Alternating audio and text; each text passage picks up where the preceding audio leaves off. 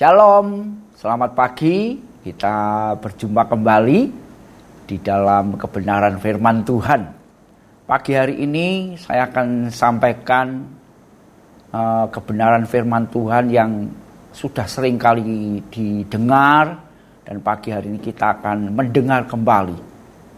Saya percaya kebenaran yang sering kali kita dengar dan kita berdoa dan kita merindukan kebenaran itu menjadi hidup di dalam hidup kita, itulah yang terpenting saudara.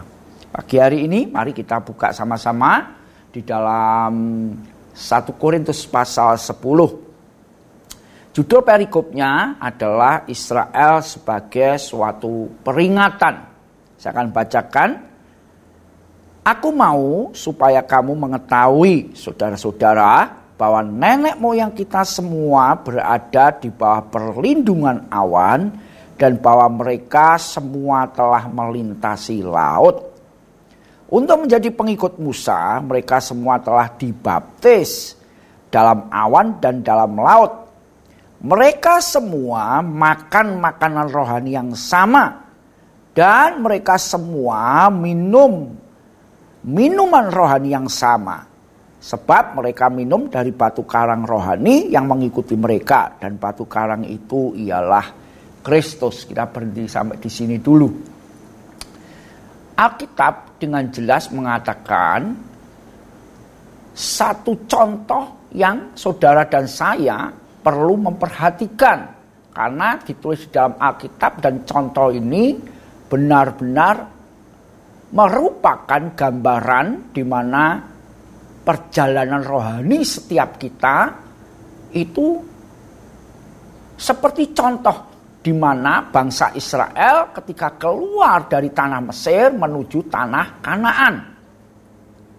Dan itu ada satu hal yang penting sekali bahwa ini adalah janji Tuhan. Ya. Sekali lagi ingat ini janji Tuhan bukan maunya Israel, tapi ini maunya Tuhan. Membawa umat pilihannya keluar dari Mesir menuju tanah perjanjian. Dan ini sama dengan apa yang kita alami sebagai seorang percaya kepada Kristus. Ya. Yesus Tuhan melakukan pekerjaan besar di dalam hidup kita yaitu dia mati di kayu salib supaya barang siapa percaya kepada Yesus kita ini dikeluarkan dari kegelapan dan menuju berjalan masuk di dalam kerajaan terang. Ini penting sekali saudaraku ya. Dan sekali lagi Alkitab yang barusan kita baca dikatakan seperti ini. Mereka yang keluar dari Mesir itu minum, minum yang sama, makan, makan yang sama. Ya. Dan mereka berjalan dipimpin oleh Musa di padang gurun, tapi karena mereka sering kali memberontak kepada Tuhan, sehingga mereka harus berjalan di padang gurun selama 40 tahun. Dan saudara kalau membaca kisah ini benar-benar menjadi satu peringatan yang penting buat saudara dan saya ya. Saya akan bacakan di satu ayat di dalam Ibrani pasal 4 ayat 1 sampai 2. Saya bacakan gini. Sebab itu baiklah kita waspada supaya jangan ada seorang di antara kamu yang dianggap ketinggalan sekalipun janji akan masuk ke dalam perhentiannya masih berlaku. Karena kepada kita diberitakan juga kabar kesukaan sama seperti kepada mereka. Tetapi firman pemberitaan itu tidak berguna bagi mereka.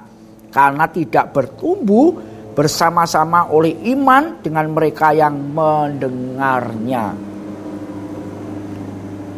Saudaraku, Tuhan berjanji kepada bangsa Israel dibawa keluar dari Mesir menuju tanah perjanjian yang luar biasa dan Tuhan beritakan itu Janji yang luar biasa itu pada bangsa Israel. Dan di dalam perjalanan mereka menuju tanah Kanaan, Alkitab mencatat bahwa mereka tidak percaya kepada janji Tuhan. Ya. Dan sering kali kita jumpai pemberontakan-pemberontakan yang terjadi selama mereka berjalan di padang gurun, saudaraku. Dan ini benar-benar firman yang disampaikan oleh Allah tidak berguna. Kenapa tidak berguna? Karena itu tidak direspon dengan cara yang benar. Mereka makan dan minum makanan yang sama, minum ro, minuman rohani yang sama, tetapi semuanya tidak berguna. Kenapa? Karena itu tidak bertumbuh di dalam hidup mereka, saudara. Nah hari-hari ini perjalanan kita semakin dekat dengan hari kedatangan Tuhan. Lewat pelajaran ini, saudara dan saya mesti belajar dari dua orang yang akhirnya mereka sampai kepada tanah perjanjian, yaitu Yosua dan Kaleb. Ya. Kenapa Yosua dan Kaleb bisa bertahan di dalam perjalanan mereka menuju tanah perjanjian, meskipun mereka juga ikut menderita juga, saudara. Selama 40 tahun mereka putar-putar, mereka juga ikut. Bahkan mereka mau dilempari batu juga ada ceritanya, saudaraku. Jadi ini benar-benar kenapa dua orang ini bisa sampai ke tanah perjanjian. Ya. Ada hal yang luar biasa. Yang pertama, Yesua itu benar-benar menempel dengan Musa sebagai pemimpin pada waktu itu. Dan Musa ini mempunyai kebiasaan yang luar biasa, yaitu Musa suka sekali bertemu dengan Tuhan. Musa ini orang yang suka bergaul dengan Tuhan. Kalau sekarang ini gampangnya disebut Musa ini suka sekali berdoa begitu saudara ya. Dan Yosua, Yosua mengamati hal itu saudara. Oleh sebab itu Alkitab mencatat keluaran pasal 33 ayat 11 itu jelas sekali. Dikatakan Musa masuk ke kemah pertemuan dan Musa mengobrol sama Tuhan setelah itu keluar dan abdinya Yosua itu tidak keluar dari kemah saudara. Jadi Yosua pun juga membangun satu kebiasaan di mana dia suka ngobrol juga dengan Tuhan. Jadi ini penting. Hari-hari ini saudara dan saya mesti membangun kebiasaan ya kalau sekarang ini terkenal dengan nama sate saat teduh. Ya. Saudara mesti mendisiplin diri kita dengan bergaul dengan Tuhan. Bukan rutinitas, tapi ini benar-benar satu kebutuhan satu gaya hidup bahwa aku memang harus karena aku mengasihi Tuhan. Ya. Mengerjakan sate itu karena aku mengasihi Tuhan, aku rindu mengenal Tuhan, aku rindu pimpinan Tuhan. Persis dengan apa yang dilakukan Yosua. Ya. Kemudian Kaleb, kalau kita baca Kaleb, kenapa juga Kaleb bisa masuk ke tanah perjanjian? Satu hal yang dicatat oleh Alkitab, Kaleb dikatakan mempunyai hati yang lain. Kaleb itu adalah orang yang benar-benar memegang perkataan Tuhan. Di dalam Yosua kalau uh, saudara baca Yosua 14 ayat 7 sampai 11 itu jelas sekali Kaleb berkata kepada Yosua, sekarang kau harus berikan tanah yang dijanjikan kepadaku oleh Tuhan. Dan firman janji itu ketika disampaikan pada Kaleb, Kaleb masih umur 40 tahun. Dan dia ketika mau genapkan janji ini, dia mengatakan sekarang aku sudah berumur 85 tahun. Ya. Jadi selama 45 tahun dia pegang janji firman Tuhan. Dan akhirnya dia genapkan janji itu. Dan dikatakan oleh Alkitab luar biasa sekali. Kaleb ngomong, Waktu aku 40 tahun dan sekarang aku 85 tahun kekuatanku tetap sama. Jadi ini penting saudara. Ya. Di Tuhan di dalam Ibrani tadi akan bertumbuh. Akan menjadi hak bagi kita. Kita mengalami janji itu. Dua hal yang harus kita lakukan. Yaitu kita bergaul dengan Tuhan. Yang kedua kita mempercayai janji Tuhan. Kita tidak memandang keadaan. Kaleb pun sama. Selama 40 tahun dia putar-putar dan dia mengalami hal yang tidak enak. Tapi dia tetap pegang janji Tuhan. Jadi pagi hari ini ketika kita membaca, mendengar kembali akan kebenaran firman Tuhan yang ditulis oleh Alkitab bahwa perjalanan bangsa pilihan Tuhan keluar dari Mesir menuju tanah kanan adalah sebagai contoh Supaya saudara dan saya melihat ini dan tidak menyontoh apa yang dilakukan oleh bangsa pilihan. Mereka benar-benar memberontak suka sama Tuhan. Ya.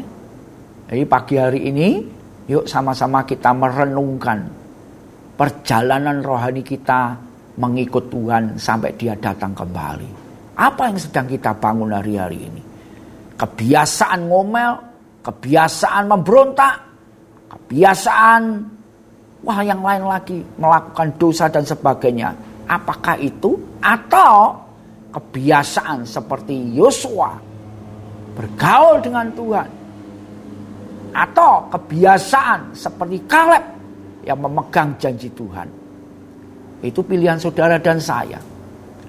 Tapi saya memberi dorongan buat kita semua yang pagi hari ini mendengar kebenaran ini Yuk saudara mumpung, mumpung ya, mumpung masih ada waktu buat saudara dan saya. Mumpung masih sehat, yuk kita bangun. Saat teduh kita. Ya, kita bangun benar-benar serius. Aku melakukan saat teduh ini karena aku mengasihi Tuhan. Aku rindu mengenal Tuhan. Aku rindu bergaul dengan Tuhan. Dan satu hal lagi yang tidak bisa lepas daripada itu. Yuk baca Alkitab. Pegang kebenaran firman Tuhan. Seperti Kaleb memegang janji Tuhan. Meskipun butuh waktu 45 tahun. Hari ini menjadi perenungan buat setiap kita yang mendengar kebenaran firman Tuhan pagi hari ini. Amin. Tuhan memberkati. Mari kita berdoa. Bapak kami mengucap syukur buat firman kebenaranmu yang kembali kami dengar. Mungkin sudah sering kali kami dengar Tuhan. Dan pagi hari ini kalau kami mendengar kembali. Itu mengingatkan kami supaya hari-hari ini Tuhan. Terus kami seperti Yosua. Membangun hubungan dengan engkau. Terus seperti Kaleb memegang janjimu Tuhan. Sehingga kami benar-benar menikmati janji-janjimu. Terlebih Tuhan. Sampai nanti engkau datang kembali kedua kalinya, kami bertahan dan kami mampu dan kami berjumpa dengan engkau. Terima kasih Tuhan, kami mengucap syukur buat firman-Mu pagi hari ini. Dalam nama Tuhan Yesus. Amin. Tuhan memberkati.